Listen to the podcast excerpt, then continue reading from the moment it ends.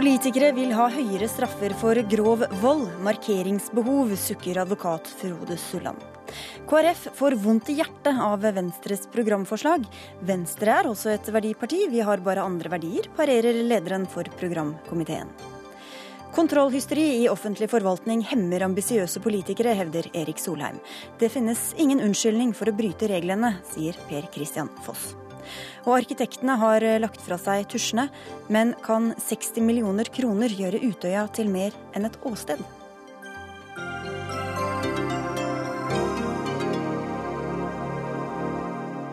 spør Dagsnytt 18 på P2 og NRK2, hvor også CNNs Peter Bergen forteller om jakten på Osama bin Laden, som han selv har intervjuet og nå skrevet bok om. Jeg heter Sigrid Solund.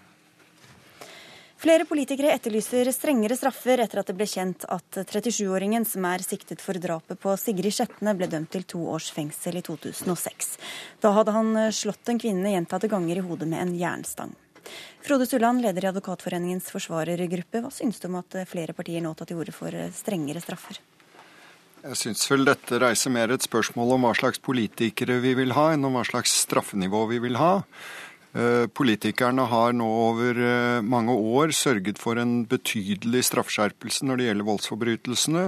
De var misfornøyd med at Stortinget ikke ville iverksette det de vedtok, og har dermed vedtatt en egen endringslov for dette 2000, sommeren 2010. Og da har man altså hevet straffenivået med rundt en tredjedel, helt generelt. Og hvis man mente da den gangen at eh, dette ikke var nok, så fikk man jo ment det den gangen, og ikke nå komme to år etterpå og si at man skal ha det enda lenger opp. Ja, for dette er jo velkjente toner fra noen politiske partier, men i går kom utspillet fra Senterpartiet. Var det overraskende, syns du? Det var overraskende. Vi er jo vant til dette fra Fremskrittspartiet over svært lang tid, men de andre partiene nærmer seg valgkamp, de òg. Jeg vet ikke om det er noe med det å gjøre. Vi kan jo høre, Jenny Klinge, du er justispolitisk talskvinne i Senterpartiet. Er det ett år til valg, er det derfor du kommer med dette? Er det ganske provoserende at slike beskyldninger kommer. Eh, når vi som, eh, som, politikere og som lovgivende eh, makt selvsagt må ha meninger om hvordan samfunnet vårt blir, og hvordan det utvikler seg. Og Det er forskjell på hva strafferammer vi gjør, og det som domstolene da velger. Altså, en ting er altså Strafferammene er vi som gir, men den reelle straffeutmålinga er det domstolene som, som står for. Og Det Stortinget sa klart ifra om i 2010, det var at eh, vi ønska at domstolene skal ta i bruk den øvre del av strafferamma på alvorlige hendelser som eh, overfallsvoldtekter, grov vold og drap, i påvente av at den nye straffelova 2005 kan gjennomføres. Det er rett og slett tekniske problemer i forhold til IKT-system som gjør at vi ikke får tatt den i bruk. Og Da uh, vi, uh, gjorde vi en lovendring som gjør det fullt mulig, og sa at det var ønskelig at domstolene tar i bruk øvre del av uh, så, du, så du vil ikke ha enda straff, strengere strafferammer, men bare at domstolene skal ta i bruk det som allerede er vedtatt? Ja, det har Stortinget sagt klart. Og så skal vi da, når vi har fått innført den straffelova som ble vedtatt i 2005, så, så, har han, eh, så, har han, da eh, gjennom den så har vi sagt at vi ønsker, altså da har vi fastsatt høyere straff. Men det vi har gjort nå fra 2010, det er at vi gir klar beskjed til domstolene om at vi ønsker at de skal gi strenge straffer. Og jeg eh, opplever det at, at domstolene ikke tar lovgiver sine signal på alvor. Og da er spørsmålet, Det er greit nok det at domstolene skal selvsagt være uavhengige av Stortinget, men lovgivende makt må nå faktisk ha en, kunne ha en retning på hvor vi mm. ønsker hen. Eh, på straffenivået på alvorlige, grove ja. Eh, handlinger. Soljan, dette, er en, eh, dette er jo en gammel diskusjon som eh, nettopp var bakgrunnen for at Stortinget ikke bare hevet strafferammer, men ga klar beskjed ved eksempler fra rettspraksis på hva ulike typer eh, overtredelser skulle medføre av mer eksakt straffenivå innenfor strafferammene.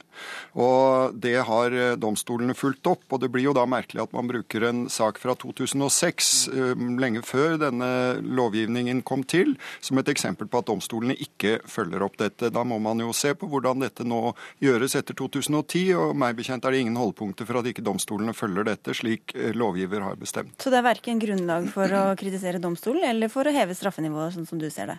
Nei, slik dette er i dag, eh, så opptrer domstolene fullt ut i samsvar med lovgivers intensjoner. Jeg har senest i dag vært i Høyesterett med en sak hvor man eh, legger opp til en straffenivå i tråd med det lovgiver har bestemt. Ja, hvordan vet du at ikke de gjør det, Jenny Klinge? Nei, det er klart at det, det noe, vil nok vise i enkelte saker. Men det som har vært tydelig sagt fra domstolene, er at de ønsker en gradvis opptrapping, sånn at det ikke blir stor økning fra en dag til en annen. Eh, men Stortinget ga en kjøleklar beskjed om at vi faktisk ønsker at det skal være Men mener du at domstolen ikke har fulgt opp? Har du eksempler på det? Nei, altså jeg har ikke noe konkrete eksempel her og nå, men det er noe det som er den store diskusjonen. En ser konkrete eksempel på at grov vold og det å ødelegge livet til folk, både psykisk og fysisk, eh, gir eksempelvis to eller tre år i fengsel. Hvor, hvor mange år burde de gi det? Nei, det er noe, det er noe innenfor den strafferamma som måtte være. sant? Og Hvis det da er mulig å gi seg at strafferammen ligger på mellom to og seks år, da, så er nå Stortingets intensjon at en da skal legge seg opp imot seks, og ikke ned imot to. Mm. Uh, og Det som jeg har brukt som et bilde, det er et grusomt bilde, men jeg har lyst til å bruke det likevel, fordi at jeg tror det er uh, det, Vi må kunne si det i klartekst. og det at det er forskjell på folk som er i stand til å knuse ei bilrute, og folk som er i stand til å knuse en hodeskalle.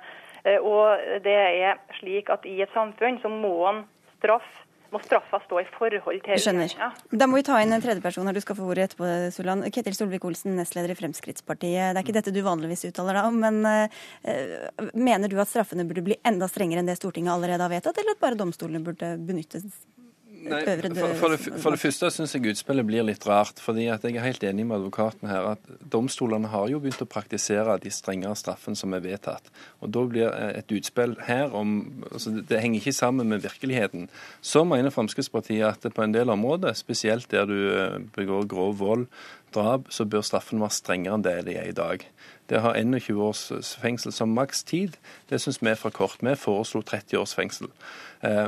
Sånn at det bør være strengere. Men På det, hvilke, hvilke, forbrytelser, og hvor mye strengere? Ja, altså, som sagt, vi sa 30 år. Jeg syns vi godt kan diskutere enda lenger når vi har sett noen av altså spesielt det som skjedde 22.07. Eh, i fjor. Eh, men på grov vold, eh, på voldtekt, grov legemsskadelse så bør han ha strengere straffe enn det som en nå har vedtatt i dag. Men så syns jeg dette utspillet blir veldig merkelig. fordi at Hvis Senterpartiet mente at det burde være strengere, så burde de vedtatt i Stortinget når vi diskuterte det. Ikke komme og nærmest handle i effekt etter de ser Men det høres ikke ut som en egentlig vil ha strengere straffer, bare at de oftere skal bruke maksimumsstraffen? Jo, ikke sant. Og det er jo for så vidt et viktig utspill, men, men, det henger jo heller ikke sammen med den virkeligheten vi har sett. For vi ser jo at domstolene gradvis nå har økt det de gjør lite grann. Og da, er jo igjen, da gjør jo domstolene det som Stortinget ville. Hvis, så hun må bestemme seg liksom, hva som skal være utspillet hennes. Ok, Da kan vi få bare en kort avklaring fra deg, Jenny Klinge. Nei, men det er nettopp det at Hvis en har det gradvis skritt for skritt og langsomt, så er det faktisk ikke det som er intensjonen. Eh, det må gå an å si det at skal, når Stortinget ønsker at det skal opp imot seks år, så skal en ikke drive og legge seg på to og så tre. Ok, Så lov, lovverket er du fornøyd med, men praktiseringen mener du burde gå raskere? Ja, nettopp. Og det, det Sulland kan jeg gjerne gitt konkrete dømme på at eh, straffa blir gitt i øvre del av strafferamma òg. For det, det ville vært interessant å høre hva saker, f.eks. overfallsvoldtekter, det blir gitt straffer straffe som står i, i, stil med det Stortinget har ment.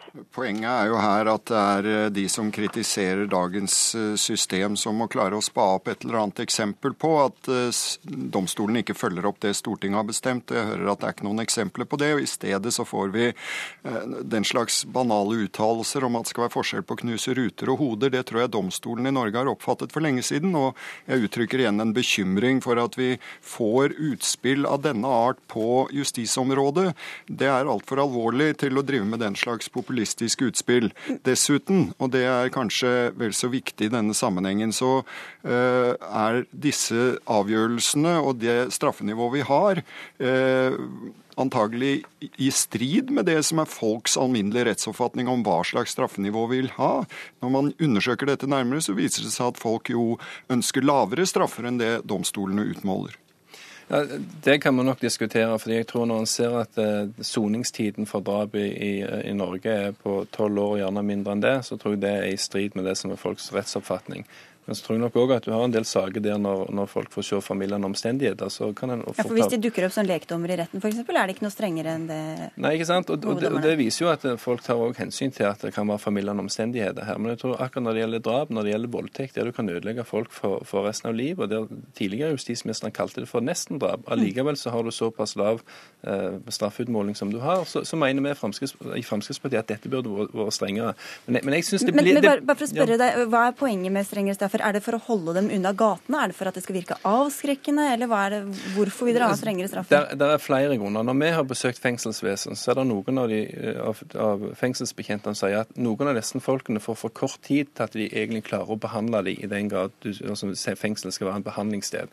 For det, det, blir så kort, du, du trenger ikke gjennom, du får ikke endra atferd eh, varig andre områder så handler det om at du faktisk skal beskytte befolkning mot folk som, som er Da må du sperre dem inne resten av livet, da? Nei, det trenger du ikke nødvendigvis resten av livet. Men vi hadde akkurat en dommersavgjørelse for et par uker siden der du burde sagt klart ærlig at du får livstid, istedenfor å pakke det inn i 21 år pluss forvaring for å liksom framstå som mer humane. Men, men, på noen områder så handler det rett og slett om å beskytte samfunnet, istedenfor at du liksom skal slippe dem ut og tro at de, de, de har blitt friske i løpet av en kort fengselstid. Det er det som er poenget mitt da, sant. Og det som, og det er, men da må du stemme sånn i Stortinget. Stortinget, da? Ikke komme med utspill i media når du ser en sak som blir opplyst? Jeg har en elegant evne til å galese på folk som da tilfeldigvis kan ha meninger som ligner på deres. Nei, men for Du følger ikke opp i Stortinget det? Okay, Jenny Klinge får avslutte helt kort, før snart er tiden ute.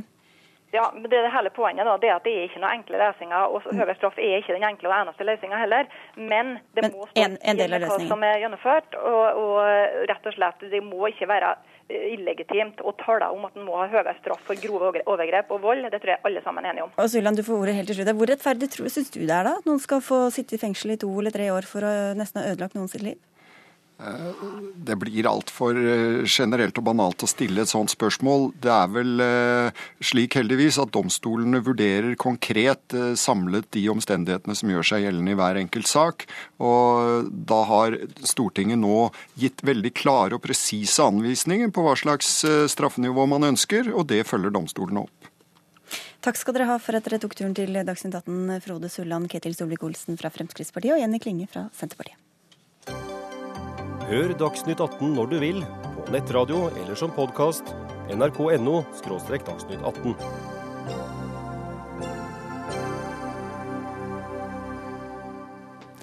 Kristelig Folkepartis parlamentariske leder sier han får vondt i hjertet av Venstres program. Grunnen er at han mener partiet tar lange steg i nyliberal retning i programkomiteens forslag til nytt partiprogram. Hans Olav Syversen, det er der det er snakk om. Eh, hvilke saker har fått deg til å mene at de beveger seg langt i en retning som jeg regner med er vekk fra dere? Ja, først får jeg vel si at formen på hjertet er relativt god. Jeg har hatt uh, god samtale med venstrefolk i dag, så det, det går framover. Men uh, det er klart at uh, det utkastet som ligger på bordet, det syns jeg er ganske liberalistisk, for å si det rett ut. Man vil fjerne alle formålsparagrafene vi har i lovverket i forhold til skole. Man vil ha en ny runde på Grunnloven når det gjelder Norske kirke. Man åpner for en form for surrogati. Eh, og man eh, sier at leger som ikke ønsker å henvise til abort, eh, de har egentlig ikke noe å gjøre som leger. Så jeg må nok kanskje si at det er en del steg her jeg er litt forbauset over, ja. Guri Melby, det er du som har ledet programkomiteen. Hvor vondt er det å høre at KrF får vondt? Jeg er ikke så veldig overraska over at vi er uenige i de spørsmålene her, for det har vi vært lenge. Og jeg tror i mange av de sakene her så mener Venstre det samme som vi har ment lenge. Når det gjelder det med leger og reservasjonsrett, så hevda vi akkurat de samme synspunktene i debatten som gikk i vinter. At vi er mer opptatt av pasienten og at han skal bli godt tatt imot. Men det er ikke dette dere har i programmet deres fra før av? Eh, akkurat det er ikke omtalt i programmet fra før. Eh, og ellers når det gjelder f.eks. muligheten for eggdonasjon, så sa vi det allerede i 2005. Venstre har veldig lenge vært for å få et helt tydelig skille mellom stat og kirke. Og grunnen til det er jo fordi at vi mener at i et sekulært samfunn så må vi ha en religionsnøytral stat. Men det betyr jo ikke at vi vil ha en religionsfiendtlig stat. Eh, og det er det jeg oppfatter noen gang at KrF setter litt sånn likhetstegn mellom dem to. da, At når vi går inn for å være religionsnøytral, så blir vi plutselig religionsfiendtlige. Mens jeg mener jo at det er motsatt. For vi er jo veldig opptatt av å stadfeste både trosfriheten og ytringsfriheten, som er sentrale liberale verdier da, i vårt program. Men mener du at dere har stått på så å si på stedet hvil når det gjelder disse verdispørsmålene de siste årene? Nei, det mener jeg ikke jeg. Det er helt klart en utvikling, og det er også en utvikling i samfunnsdebatten. Og en del spørsmål blir også forma av teknologiske muligheter som oppstår, som vi hele tida må ta stilling til. Eh, det gjelder jo eh, f.eks. når det gjelder muligheten for kunstig befruktning. Eh, og det er klart at det her er etiske spørsmål som er krevende, også i Venstre, og det er ulike meninger om hvor langt vi skal gå. Det som er min prinsipielle holdning, er jo at det her er valg som er såpass viktig for den enkelte at jeg vil overlate mest mulig av beslutningen til den enkelte. Eh, og Det innebærer kanskje en, et relativt liberalt lovverk som gir den enkelte familie, familie, muligheten til å ta sine etiske valg. Men Blir du overrasket Syversen, over at Venstre da lander på de liberale eller liberalistiske løsningene når nye problemstillinger dukker opp? I noen av sakene, ja. Eh, for oss i KrF er det jo veldig viktig at vi setter eh, etikken foran teknikken, bl.a. Det har jeg også oppfattet at Venstre har vært eh, opptatt av. For å ta et par saker når det gjelder stat-kirke-forliket, så stemte vi altså gjennom det i Stortinget i vår. Eh, Odd Einar Dørum var en av de som eh, sørget for det forliket som kom i stand. Det ønsker man å gå bort ifra. Odd Einar Dørum var også en av dem som bidro til at vi fikk en felles ny formålsparagraf for skolen som mange partier kunne stille seg bak. Det forlater man. og med all respekt å melde, jeg tror Odd Einar Dørum fortsatt er en god venstremann. Ja, er det de unge venstrefolka som har overtatt eh, vel, partiet? Vel, altså, jeg, jeg, spør meg om ikke det er kanskje to tradisjoner eh, i Venstre. Jeg skal ikke gjøre meg som noen ekspert på det, men jeg får en følelse av det også på reaksjoner i dag. Her er vi fulle av eksperter som ikke er eksperter. at det, det, er eh, to tradisjoner som står litt mot hverandre, og det, det er jo greit, det. Men, men tydelig at det er én fraksjon som nå kanskje får mer å si. Er det sånn, Melby? Nei, jeg har lyst til å understreke at akkurat i, i, en del av spørsmålene når vi snakker om eh, både kunstig befruktning, surrogati, så er det delte meninger i Venstre, og vi kommer til å ha en debatt helt fram til landsmøtet. Men så det er ikke gitt at deres forslag vinner gjennom? Det er det absolutt ikke. Men når det gjelder de helt grunnleggende tingene, sånn som det å ha et totalt skille mellom stat og kirke, og også det å ha en religionsnøytral formålsparagraf. Vi vil jo fortsatt ha en formålsparagraf, og vi vil også at det skal stadfestes tydelig hvilke verdier opplæringa skal baseres på. og Der tror jeg egentlig vi er ganske enige om hvilke verdier det skal være, men vi vil at den skal være nøytral. Altså litt om alle religioner, da, eller? Sånn som det står i formålsparagrafen i dag, så står det at den er basert på verdier som flere fra ulike livssyn kan kjenne seg igjen i. Sånn som likeverd, solidaritet, eh, åndsfrihet, respekt for naturen. Eh, men jeg mener det er feil å knytte til en bestemt religion. Og akkurat de her grunnleggende spørsmålene, sånn som skillet mellom stat og kirke, så oppfatter jeg at det er relativt stor enighet. Vi så på kirkeforliket som ett skritt i riktig retning, men eh, langt fra fullført. Ja, eh, jeg skjønner absolutt hva, hva, som sies. Jeg vil nok hevde at eh, vi er en nasjon som er tuftet på en eh, kulturtradisjon og noen historiske verdier som i stor grad er båret fram av, av kristendommen og de kristne verdiene. Men er det viktig jeg, å ha det med, altså kristen, det ordet med i Ja, det innebærer for meg en viktig forankring i det som har vært det norske samfunnet. Og jeg syns ikke, selv om vi to, i 2012 skal sette et kryss over så viktige verdier som det representerer representerer. Og Hvis dette blir eh, Venstres faktiske program, da, hva kan det få å si for et mulig regjeringssamarbeid? Nei, nå uh, hører jeg jo at her er det ulike meninger, så jeg satser litt på at kanskje noen av disse forslagene ikke kommer helt fram i, i programmet. Men jeg har jo tro på at vi uansett vi har samarbeidet tidligere, og vi skal nok greie å finne ut av det. Men jeg har lyst til å understreke en ting. for En viktig verdi for partiene på borgerlig side, som vi ofte snakker om, det er jo trua på sivilsamfunnet. Eh, dere er ikke her for å snakke om det dere er enige om, da? Jo, men det som, jeg tenker, det som overrasker meg litt, da, det er at KrF har en sånn sterk tro på at staten må beskytte kristendommen. Eh, for jeg tror at eh, vår kristne kulturarv så, står så sterkt hos folk at den ikke er trua om vi verken fjerner det fra formålsparagrafen i skolen, eller om vi får et skille mellom stat og kirke. Og jeg tror jo at sivilsamfunnet er sterkt nok, og tros- og livssynssamfunnene. Mm. Hvis vi fortsetter med den rause støtteordninga vi har i dag, som Venstre er veldig for, så tror jeg de har livskraft nok til å bære de her tradisjonene videre. Vi tåler nok noen trusler, men jeg syns faktisk at også i lovverket skal vår, vår verdibasis i dette landet representeres og at vi har en forankring i kristne verdier i Men da må vi finne en verdibasis som alle sammen kan være enige i. Og vi lever faktisk i et flerreligiøst og et flerkulturelt samfunn. Og jeg har lyst til at verdiene som skolen og barnehagen bygger på, skal være felles for alle. Og hvilke av disse punktene blir det viktigste for deg og for dere å få gjennom når dette skal bankes inn gjennom på landsmøtet? Eh, for Venstre så er det å hegne om tros- og ytringsfriheten ekstremt viktig. Og det å jobbe for et fullstendig skille mellom stat og kirke mener jeg faktisk er veldig sentralt. Sist det var jeg nesten enig, det er Nessis er helt enig men det betyr ikke at vi trenger å sette et kryss over, over verdigrunnlaget. Toleranse og å ha et fast ståsted, det kan fint kombineres. Dette blir spennende debatter framover. Takk skal dere ha for at dere tok den her i dag også. Hans Olav Syversen fra Kristelig Folkeparti og Guri Melby fra Venstre.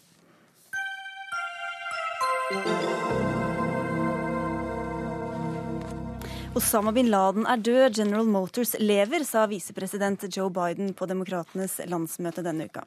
Han minnet amerikanerne på at president Obama klarte å få bin Laden drept etter en nesten ti år lang jakt på terroristen. Denne jakten er beskrevet i en ny bok av CNN-journalisten journalisten Peter Bergen, som har tatt turen innom Dagsnytt 18. Welcome, Peter Bergen. Uh, thank you. Uh, first, you met Osama bin Laden himself. Um, how would you describe him as a person? Well, um, when I met with him, it was in 1997. He was, uh, first of all, very tall, um, 193, uh, six foot four, thin. Uh, he carried himself like a cleric. Uh, he didn't. I expected a table thumping revolutionary. He was uh, very low key. Um, he seemed well informed, intelligent. And then I've interviewed a lot of people who know him, uh, his friends in high school, university. They describe somebody who was a religious fanatic from an early age. Somebody, even aged 13, was praying seven times a day and fasting twice a week. Over time, this religious fanaticism turned into the man that, you know, ordered the deaths of thousands of people. I'm just going to try and translate a bit as okay. we go along. Sure, sure, yeah, yeah. Han sier at han møtte Osama bin Laden, og da virket han rolig og intelligent, og ikke minst høy. Mens uh, da han uh, intervjuet venner av ham, så beskrev de ham som en religiøs fanatiker allerede fra unge år. And you say also in your book that uh, the people around him really loved him. Was he also a gentle and charming person? Well, I mean, to those that are in his immediate circle, I mean, bin Laden is somebody who thinks that um, there's one rule for Muslims that share his views and another rule for people who don't. Uh, and so certainly he, uh, you know, he's nice to his family, but most people are. Um, and um, it, my book, uh, Manhunt, is really about the, you know, the last ten years of his life, and during that time he was living most of the time with his three wives and uh, a dozen children and grandchildren. Han eh, var altså en snill person for dem rundt ham, som de fleste er, men eh, han delte inn mennesker etter vantro og rettroen, og det satte sitt preg på synet på verden. Uh, he also um, uh, His name traveled around the world after September 11th. But what did bin Laden think was going to happen after these attacks? Well, he um, made a great miscalculation. He thought that the United States was going to pull out of the Middle East as a result of these attacks. He believed that the United States was as weak as the former Soviet Union, and obviously that was a mistake. I mean, the United States invaded, occupied Afghanistan along with allies, and then, of course, Iraq, and has very big bases now in Bahrain and Qatar and Kuwait and other countries around the Middle East. And how did he handle that he was completely wrong? Oh, I think that he uh, he just said that in fact this was all part of a clever plan to drag the United States into Afghanistan. It was part of a clever plan to bankrupt the United States, and these are sort of post facto rationalizations of failure. Bin Laden trodde altså at eh, USA kom til å trekke seg ut av Midtøsten etter at de eh, angrepene 11.9. september, der tok han jo fullstendig feil. And after these attacks he hid in the mountains in Tora Bora close to the border to Pakistan. How close were the Americans to catching him at, at that uh, time? Well, very close, but not close enough. I mean, by my calculation, there were more journalists at the Battle of Tora Bora than American soldiers, so there was very few American soldiers on the ground. Bin Laden was definitely there. Um, his voice was intercepted multiple times by CIA uh, people listening to radio transmissions. And we also now have the accounts of multiple people uh, who were in Guantanamo, who were at Tora Bora, who saw bin Laden there. So there was an opportunity to, to catch him, but the opportunity was missed. Altså, Amerikanerne hadde muligheten for å ta ham etter eh, angrepene 11.9, men de klarte det ikke. De hadde andre ikke nok eh, soldater i eh, området. And uh, what did they do wrong since he was able to escape from there? Well, they just didn't have enough people on the ground. There were about 70 American soldiers, um, and they were quite reliant on a group of Afghan warlords, all of whom were fighting each other, and you know, it, it was it was very poorly very poorly handled. Um, while many people thought he was hiding in a cave after he went from uh, Tora Bora, he actually lived in a huge house in uh, Abbottabad, uh, yeah. a town in Pakistan. How did he manage to live there uh, for so many years without anyone uh, ratting him out? Yeah. Well, he didn't tell anybody. he told very few people. Um, I mean, in a way, the book is a lot about people keeping secrets because the Obama people in the White House kept this very secret and very secret at the CIA for 10 months. And of course, bin Laden kept his presence in Abdabad very secret. There were adults living on the compound in Abdabad that did not know bin Laden was living there. Some of the, the bodyguards, the wives of the bodyguards, knew that there was a stranger there, but were told, don't, do not, don't ask any questions about this person. Um, so he was being very careful. Bin Laden gjemte seg altså i et eh, stort eh, huskompleks eh, hvor til og med en del av de som bodde der, ikke visste at han var der, og holdt et ekstremt hemmelighold rundt at han var der. Og sånn klarte han å gjemme seg fra, fra amerikanerne, sier Bergen. Um, after 9-11, President Bush allowed torture in uh, interrogations. Yeah. Uh, did that give them any information that they wouldn't have gotten otherwise? Well, in my book, um, I don't the CIA called them enhanced interrogations, and some people call them torture. In my book, I call them coercive interrogations because there's no dispute that they are they were coercive. And the fact is is that some information did come from people who were coercively interrogated. Could it have been derived without coercive interrogations? Uh, because we can't run history backwards, we won't know. But it, in my view, it was the wrong thing to do. But it did elicit, it did generate some useful information. Also, by the way, Khalid Sheikh Mohammed, the operational commander of 9 11, was waterboarded. He gave up false information about the courier, the guy who eventually led to bin Laden. So, coercive interrogations produced, in one case, useful information, and in some cases, information that was wrong. How hard was it on George W. Bush that he wasn't able to catch bin Laden, dead or alive? You know, I wasn't able to ask him the question. Um, he didn't want to be interviewed by you. You know, it, it he he gave one interview, uh, one long interview on the 10th anniversary of 9/11.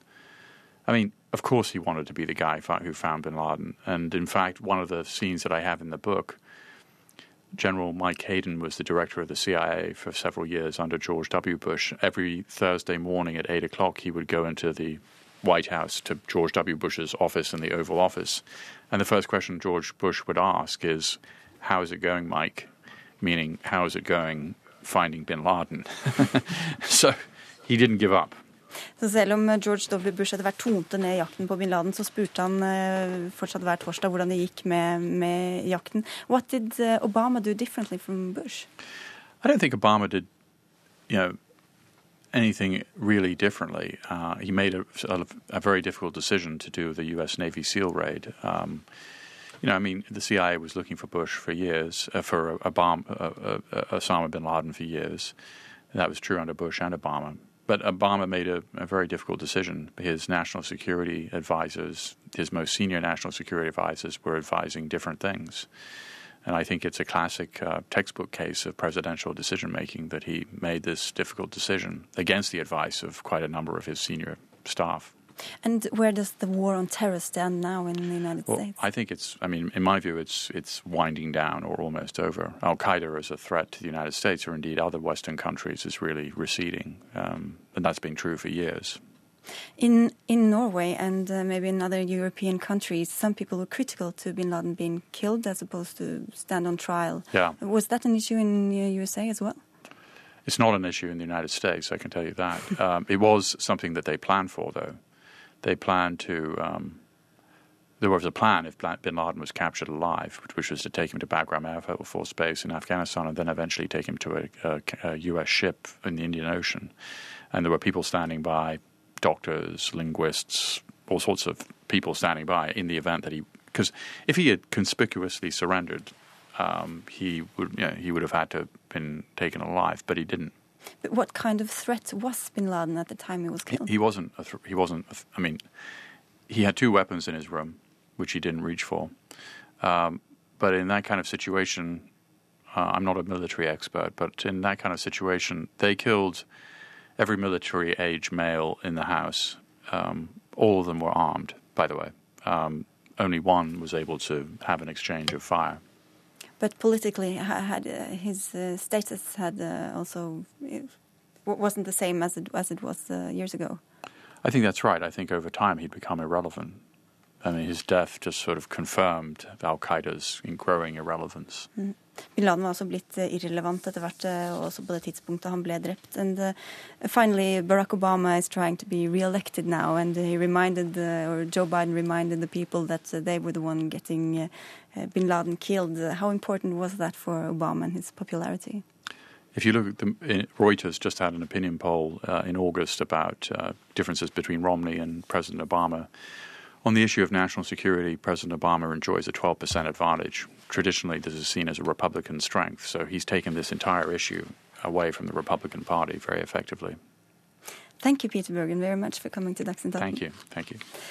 Ehm, han fikk altså tatt bin Laden, men eh, andre løfter er ikke blitt eh, innfridd. I natt forsøkte Barack Obama å overbevise Demokratenes landsmøte om at han likevel er den best egnede til å lede USA gjennom fire nye år. Vi skal straks høre litt fra talen, men Trygve Svensson, doktorgradsstipendiat ved Universitetet i Bergen. Hvor viktig var det for Demokratene å kunne slå i bordet med at det var de som tok bin Laden? Jeg tror det var veldig viktig. Og, og det er òg noe Obama kan gjøre med en viss eh, på en måte pondus. For han var veldig tidlig ute med å argumentere mot krigen i Irak, f.eks.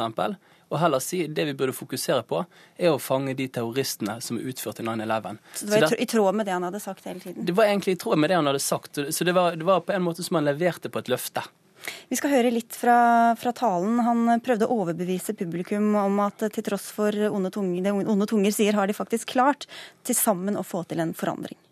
If you believe in a country where everyone gets a fair shot and everyone does their fair share and everyone plays by the same rules, then I need you to vote this November. I never said this journey would be easy, and I won't promise that now. Yes, our path is harder, but it leads to a better place. Yes, our road is longer, but we travel it together. We don't turn back. We leave no one behind. We pull each other up.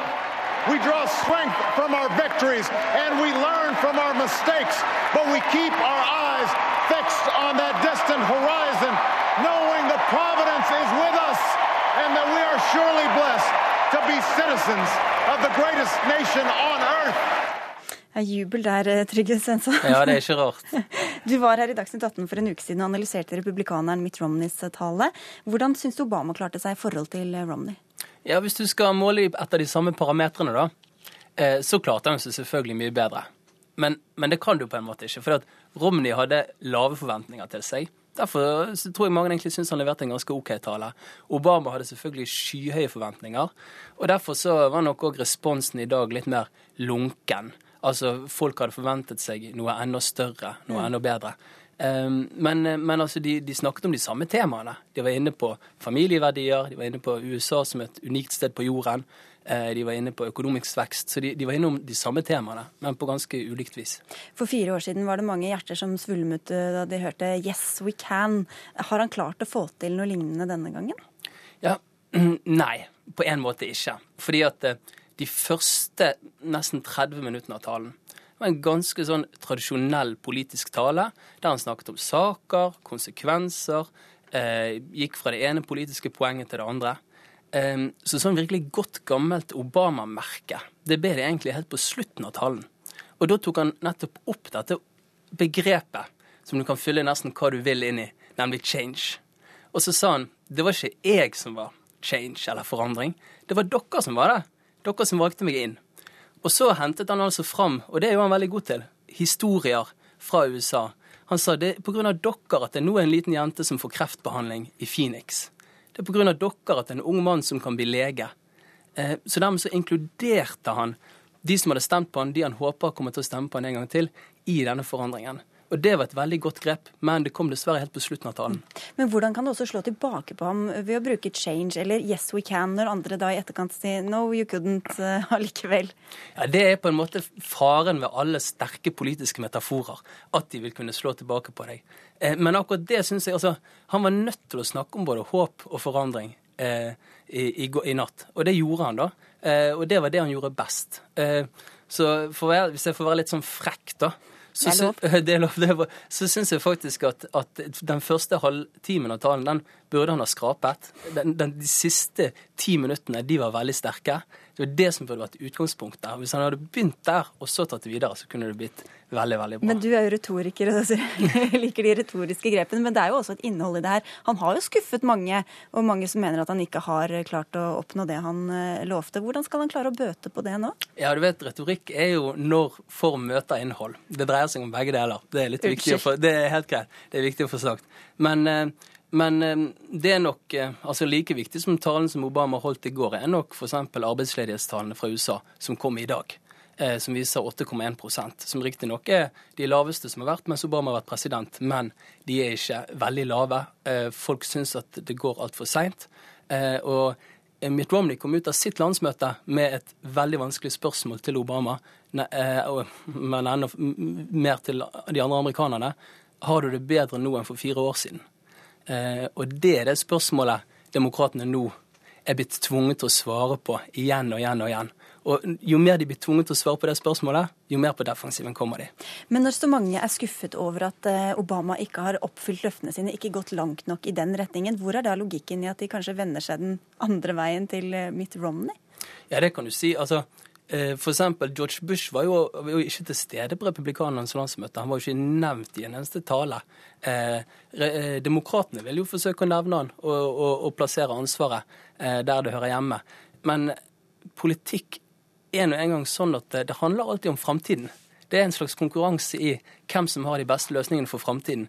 Amerikanerne er helt uinteressert i å se seg fire år tilbake. De vil vite hva som på en måte putter mat på bordet i morgen og jobber i neste måned. Takk skal du ha, Trygve Svensson. Og hvis du vil høre flere av analysene fra ham, kan du gå inn på nrk.no og lese et innlegg han har på NRKs nye debattside, NRK Ytring.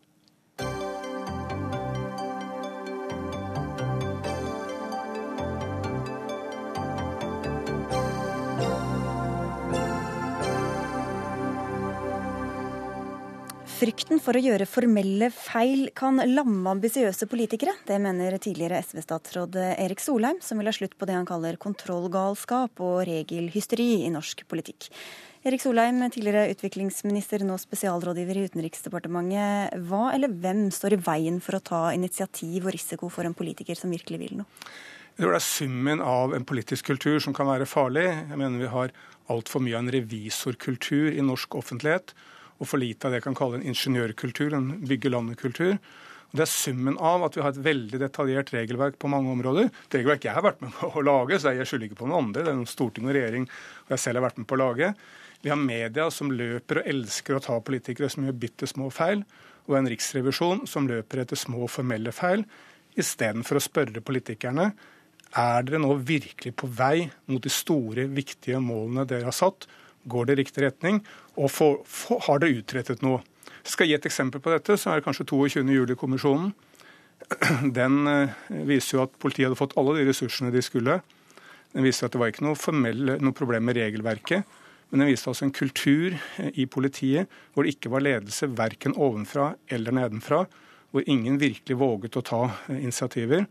Eh, jeg sier ikke at denne kulturen har skapt akkurat den situasjonen, men vi, vi vil over tid få en kultur i politikk og embetsverk hvor ingen virkelig tør å gjøre noe, hvis den som gjør noe, eh, får bøtter og spann av kjeft for bitte små feil, istedenfor at man får oppmuntring til å gjøre store ting. Har du selv, eller Når har du selv måttet bøye litt på regelverket? da? Eh, la meg gi eksempler. F.eks. er det høyst uklart hva en statsråd skal gjøre når det gjelder SMS. Eh, som Tror man kan gå til krig på den måten? Eh, I hvert fall så praktiseres det ikke. Altså, jeg har vært involvert i mange fredsprosesser. Da måtte tas beslutninger hele tida, eh, fra minutt til minutt. En president ringer deg, en geriljaleder snakker med deg. Du tar en beslutning og du, vi, sammen med andre, og du tar den på SMS. Den er ikke formelt registrert på en riktig måte. Hvis jeg som statsråd gikk ut av studiet her på Marienlyst og gikk hjem, Eh, og møtte en person på gata som snakka til meg, og det skjedde ikke sjelden.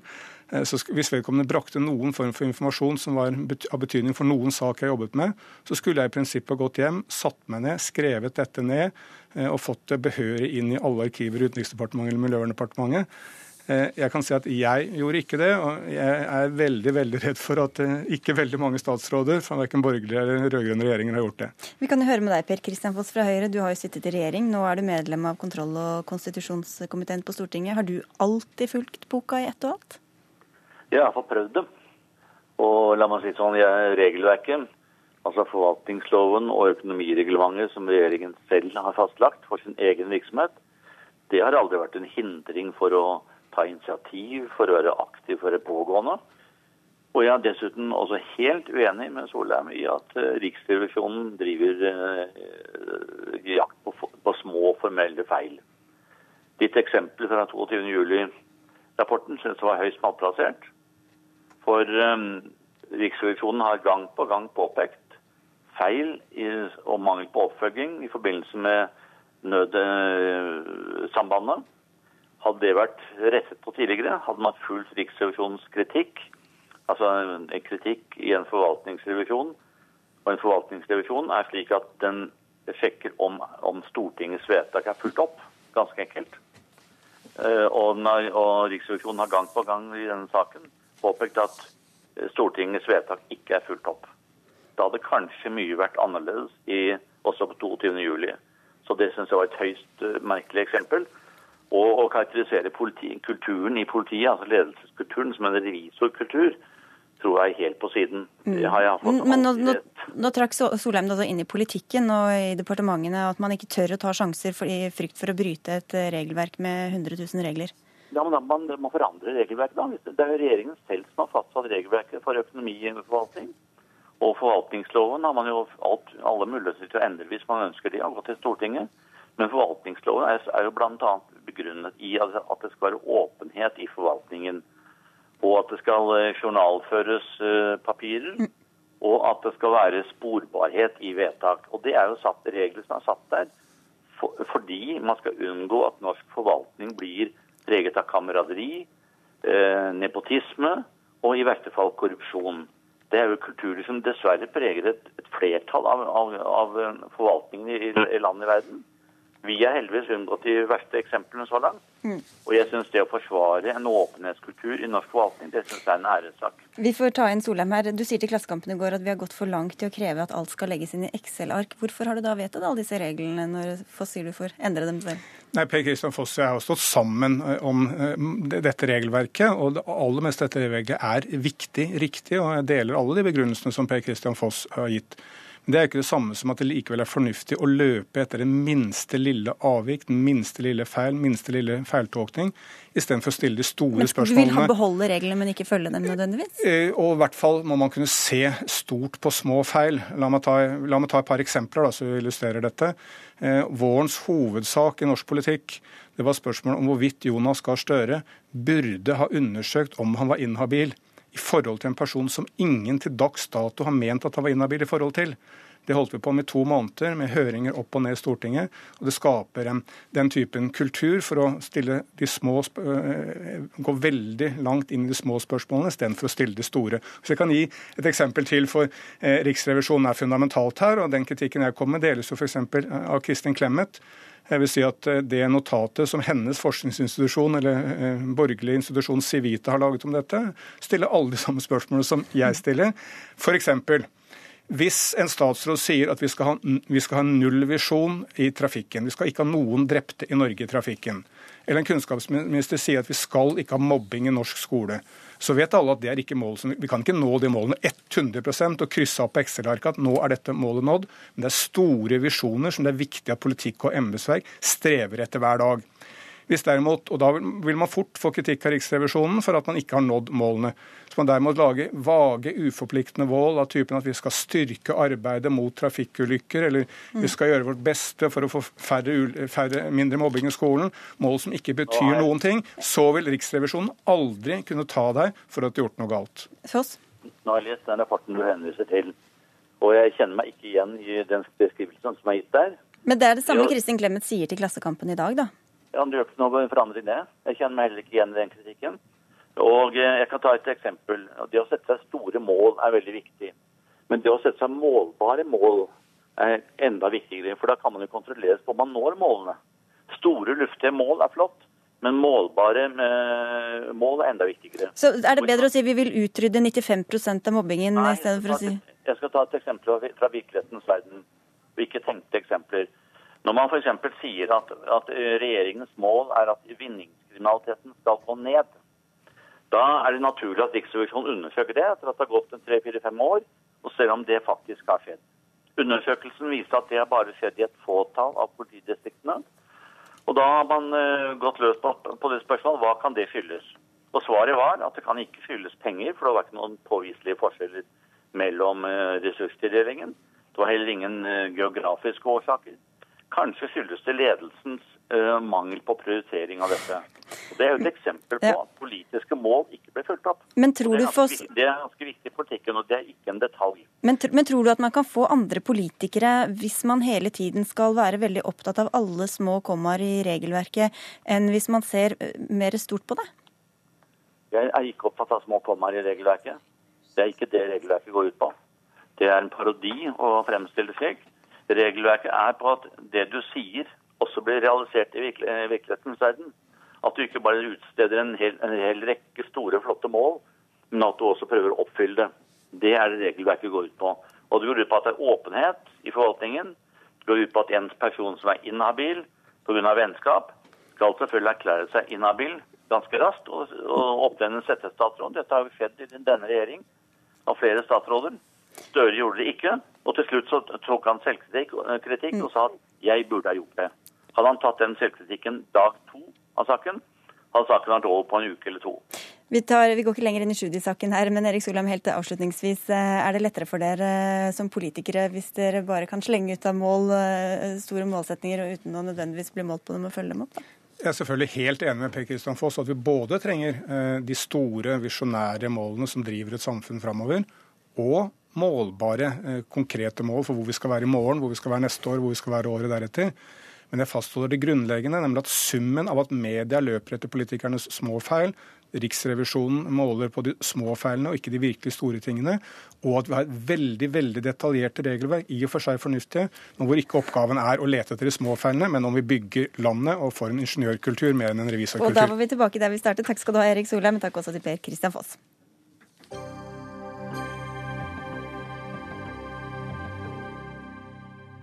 I dag bekreftet massedrapsmannen Anders Behring Breivik at han ikke kommer til å anke forvaringsdommen fra 24.8. Det kunne forsvarer hans fortelle et samlet pressekorps utenfor Skien fengsel i ettermiddag. Geir Lippestad, nå er ditt oppdrag ferdig. Var i dag siste gang du snakket med Behring Breivik? Ja, i denne saken her så var det siste gangen. Nå er eh, oppdraget eh, avsluttet. Hvis han kaller på deg i årene som kommer, hva gjør du da? Ja, Det kan jo være han har krav på offentlig forsvarer eller eh, advokat i andre saker. Han sitter på et isolasjonsvedtak, og en eller annen gang i en fjern fremtid så skal man også vurdere hans forvaring. Så, så, da vil vi behandle han som andre klienter som tar kontakt. Hva var begrunnelsen hans i dag for at han ikke ville anke? Ja, han er eh, fornøyd med den dommen som, eh, som, foreligger. Det er rett og slett hovedbegrunnelsen. Og, og for min egen del så, så, vil jeg jo si det at det er en usedvanlig grundig eh, og god dom som er, er skrevet som kan leses nå, og den kan leses for 50 år. Jeg er sikker på at man syns den er like grundig da. Så, så, så, det er også mitt råd til han, å ikke anke. Men du føler deg sikker på at altså, ankefristen går ut ved midnatt, men uh, nå er saken over? Ja, det er jeg helt sikker på. Er du glad for at han ikke anket? Ja, altså eh, Når vi har et resultat som, eh, som, er så godt og så grundig som den dommen som foreligger, eh, og det er, var også utgangspunktet og målet til, til vår klient, altså til Breivik, eh, så er jeg veldig lettet for at denne saken nå er avsluttet på en sånn måte. Og jeg syns vi har greid å gjennomføre denne store rettssaken på en, en, flott måte i Norge. Og det skal eh, domstolen, det skal politiet, påtalemyndighet eh, og ikke minst de pårørende ha enormt stor ære for. Du har stått i denne saken i ett år nå. Hvordan er det å være ferdig? Ja, det tror jeg skal kjenne på når jeg kommer hjem i, kveld. Men, men eh, det jeg har følt på bilturen fra, fra Skien, er en, en veldig lettelse eh, eh, å ha gjennomført dette. Har det oppstått noen slags nærhet mellom dere underveis? Nei. Det, det har vært et oppdrag hvor, hvor, vi har fokusert på våre oppgaver. Hvordan vi skal forsvare han, argumenter hvordan eh, han tenker. Og vi har selvfølgelig forsøkt å forstå han for å, for å få riktig interaksjon i forhold til um, trenerspørsmålet. Uh, det har vi brukt mye tid på. Men, men, noe vennskap eller nærhet utover det er det ikke rom for en sånn sak. Du er jo selvfølgelig profesjonell, men hvordan har det vært å stå der og se på de pårørende og samtidig tale hans sak og hans argumenter i retten? Ja, det har vært øh, øh, selvfølgelig vanskelig, men, men de pårørende har jo, har jo, imponert meg på en sånn enorm måte. De har jo vært øh, de som har talt mest og talt høyest for rettssikkerhet og for de verdiene vi har i Norge, for det demokratiet vi har. Og det er klart, når, når de pårørende selv greier å holde disse verdiene høyt, så, så, skal vi andre i alle fall greie det. Og det har vært en stor hjelp under hele saken. Du har også fått mye ros eh, offentlig og på sosiale medier. Hva har det betydd? Ja, jeg tror det bare en tåpe kan si at ikke ros er bra. Eh, det er klart at eh, særlig i starten, når, når jeg påtok meg dette oppdraget, så var jo ikke akkurat rosen det som var mest fremtredende. Og jeg husker meget godt Stangheles Eh, kommentar i Aftenposten hvor han snakker om verdier og snakker om hvor viktig det er å gjennomføre den rettssaken på en god måte og forsvare hans oppgave. Og når jeg leste det, så husker jeg klippet ut det og, og la det på nattbordet til, til ungene. Og, og, det har tatt med meg hele veien. Og det var starten på en, eh, en, en, god periode hvor dette med rettssikkerhet ble eh, knesatt som et viktig prinsipp i Norge. Det blir sikkert Harald Sangele glad for å høre. Mm. Men du dro rett fra Skien fengsel til et foredrag for Kreftforeningen. Når skal du ta det med ro?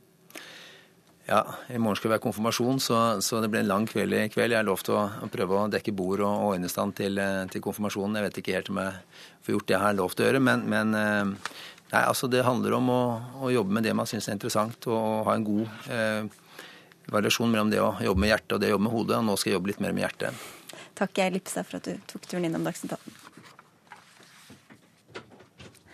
Dagen etter eh, Ja, nei, vi skal høre et lite, lite klipp. De overordna føringene i det arbeidet det har vært at dette først og fremst er et sted for ungdom. Det vil derfor være nøkternt. Det vil bli finere, men det skal være tilpassa ungdom sine ønsker og behov. Vi skal fornye Utøya med mer plass og flere muligheter. Og vi skal bevare Utøya si ånd når vi går videre. Altså at det gode skal bli med videre i arbeidet. Dagen etter 22.07 ga AUF-leder Eskil Pedersen beskjed om at Utøya skal vinnes tilbake. I dag gjentok Martin Henriksen det. Eh, planene ble lagt fram. 60 millioner kroner skal brukes på å gjenreise øya som et politisk verksted. Håkon Matre Aasarød, du er partner i arkitektkontoret Fantastic Norway. Og det er dere som har lagt disse planene. Hva har dere først og fremst ønsket å oppnå i denne vanskelige situasjonen? Først og fremst var vi samtalepartnere med AUF ganske tidlig i fjor høst. Eh, og etter en lengre dialog og, eh, med de og med flere av de etterlatte, så eh, kom jo en bestilling fra AUF. Og de ønska da å gjenoppbygge Utøya og etablere en bygningsmasse der som reflekterer deres verdier. Og da er det åpenbart verdier som fellesskap, som engasjement og som samhold som har vært viktig. Og for oss så har tida etter den bestillinga ikke gått på å grunne så mye på hvorvidt man skal gjenoppbygge Utøya, men hvordan. Og hvordan man best mulig og på en mest effektiv måte oppnår de ønskene som da AUF har hatt. Og De tegningene er det mange som har studert på nett i dag, ja. og du er vel en av dem, Oddvar Skjæveland, arkitekturpsykolog med oss fra Studio Bergen. Hva synes du? I den grad de er representative for prosjektet, så virker de litt eh, tilfeldige og øh, uten å reflektere den hendelsen som skjedde 22.07. i fjor. De, eh, jeg hører at Henriksen sier de skal være tilpassa ungdom, og det er de jo åpenbart. Så de ordinære funksjonelle krav og kanskje formspråk ser ut til å være ivaretatt. Men eh, en kunne kanskje tenke at det er en særegen symbolikk knytta til hendelsen den 22.07, som ikke synes på de bildene som er lagt ut på nett. Hvordan da? Det eh, kunne være Det var jo nevnt verdier, eh, og det reflekterer sikkert noen verdier her, men det kan jo være andre verdier som eh, et visst alvor på minnet. Det kan være inkludering. Det kan være noe som, som henter inspirasjon f.eks. fra Ground Zero og Snøhetta sin minnesportal, som har et formspråk som er et minnested. Mm. Og veldig lite av det som er lagt ut på nett, eh, minner om det. Det ser nesten ut som en strandfest, eh, det som er lagt ut på nett. Får du få svare på det også, du? Ja, jeg må si jeg stiller meg veldig eh, undrende til den der analysen. For oss eh, så er da kanskje det viktigste uttrykket for at øya er da gjenoppbygd, er den nye silhuetten, som åpenbart i seg selv da er en markering. Øya har en veldig eh, kjent og ikonisk profil, som da særlig etter 22.07-tragedien har blitt mye vist i media. Eh, og I dag forbinder nok folk flest denne silhuetten av øya ikke med den årelange historien og tradisjonen til AUF, men først og fremst med de hendelsene som skjedde den dagen. For oss har det derfor vært veldig viktig eh, at når vi da bygger opp Utøya, så må vi gi den en ny silhuett, en tydelig silhuett. Høye tårn og andre Ja, det er ett tårn bl.a. Mm. Ellers veldig mye lave bygg. Men eh, vi har plassert den oppå silhuetten, altså eller på åskammen, eh, på en måte som gjør at eh, øya fra avstand får en ny silhuett, og på den, på den måten uttrykker at man går inn i et en ny tid eller et nytt kapittel. Vi må, vi må, høre litt med deg, Arnulf Kolstad. Du er professor i sosialpsykologi ved Universitetet i eh, Trondheim og har forsket litt på hvordan arkitektur påvirker oss. Hvordan kan arkitektur og ny arkitektur bidra til et, at et sted som Utøya vekker andre følelser enn bare det vonde? Vi blir jo påvirket av også det fysiske miljøet. Det er jo på en måte råstoffet for tankene våre. Så uansett hvordan vi utformer det, så vil det sette i gang tanker, skape assosiasjoner og følelser. Og det er også viktig hva slags førsteinntrykk og hva slags helhetsinntrykk man får. Og jeg må jo si at jeg er litt enig med kollegaene i Bergen, som da legger vekt på at det man hittil har sett, der fester man seg først og fremst ved denne badestranda, og ikke så mye mer. Det jeg vil anbefale eh, arkitektene å gjøre, det er å lage ulike steder steder som er forskjellige, slik at det gir mulighet for ulike opplevelser. Både ettertanke og refleksjon, bearbeiding av sorg, få trøst osv. Noen steder hvor det er miljøer med, eh, som legger vekt på, på, den slags følelser og, og, skaper de, men andre som kanskje ser framover og, og skaper litt distraksjon. Åsere, har dere gjort det? Ja, absolutt. Det, øya er først og fremst et landskap. Altså, og, og Utøya sånn som den var tidligere, var, hadde en bygningsmasse som ikke var eh, særlig markant, men et landskap som var veldig spesielt, og som det knytta veldig mye historie eh, og identitet til. Eh, en del av de her landskapselementene er jo selvfølgelig svært påvirka av hendelser som har skjedd der. og det er klart Den badestranda som ble referert til, var et, et særlig bestilling fra ungdommen på Utøya, som ønska et nytt badested da både Bolsjevika og Nakenodden ikke lenger kan bades på pga. det som skjedde der. Sånn at eh, med badestranda er jo så sin sak. Det som er viktig å si også, er at en tredjedel av øya er satt av til minneformål. Eh, I tillegg til den bygningsmassen som vi mener da uttrykker verdiene til AUF, så er det satt av en stor del av øya som skal utvikles til en intern minnelund. Og eh, kjærlighetsstien fortsetter rundt hele øya, den går bare halvveis rundt i dag. Eh, og det her er jo også fordi at pårørende skal få lov til å besøke øya Eh, i, eh, med respekt og i stillhet, uten å måtte gå inn på et campområde. Mm. Eh, og det her er jo fremdeles i støpeskjea, denne minnelunden, men selve anlegget som AUF ønsker seg sterkt for å vise at de har tatt øya tilbake, og for å vise hva de står for, det er kollektivet lille landsbyen, den føler vi har fått til bra, og den syns vi blir veldig vakker. Vi er snart tom for tid, Skjæveland, men noen har ønsket å bare ha øya som minnested. Hva syns du om det? Jeg syns den kombinasjonen som nå ble beskrevet, er veldig fin. Det betyr at en fornyer bygningsmassen og samtidig bruker naturen som arena for minnested. Jeg tror i all hovedsak at dette er veldig bra og en veldig fin måte å løse det på. Kolstad, tror du at dette nye Utøya kan hjelpe folk i å løsne og bearbeide traumatiske opplevelser? Ja, jeg tror at noe av det som har satt seg etter eh, Utøya, det kan bearbeides når man da kommer på steder hvor minnene selvsagt vekkes. Man henter dem fram igjen og man får anledning til å reflektere over dem. Eh, F.eks. på Utøya, og få dem på plass igjen i bevisstheten på en mindre eh, plagsom, traumatisk måte. Det er jo den måten vi bearbeider traumer på hver for oss. Og dette tror jeg eh, Utøya kan bidra til, og at arkitektene bør være veldig bevisst på det, og det tror jeg faktisk de er. Da får vi avslutte med den eh, positiviteten. Takk skal dere ha for at dere var med i Dagsnytt 18. Håkon Matre Aasare fra Fantastic Norway, Arnulf Kolstad, professor i sosialpsykologi, og arkitekturpsykolog Oddvar Skjæveland. Dagsnytt 18 er over for i dag. Ansvarlig for sendingen var Sara Victoria Rygg. Teknisk ansvarlig Erik Sandbråten, og jeg heter Sigrid Elise Solund.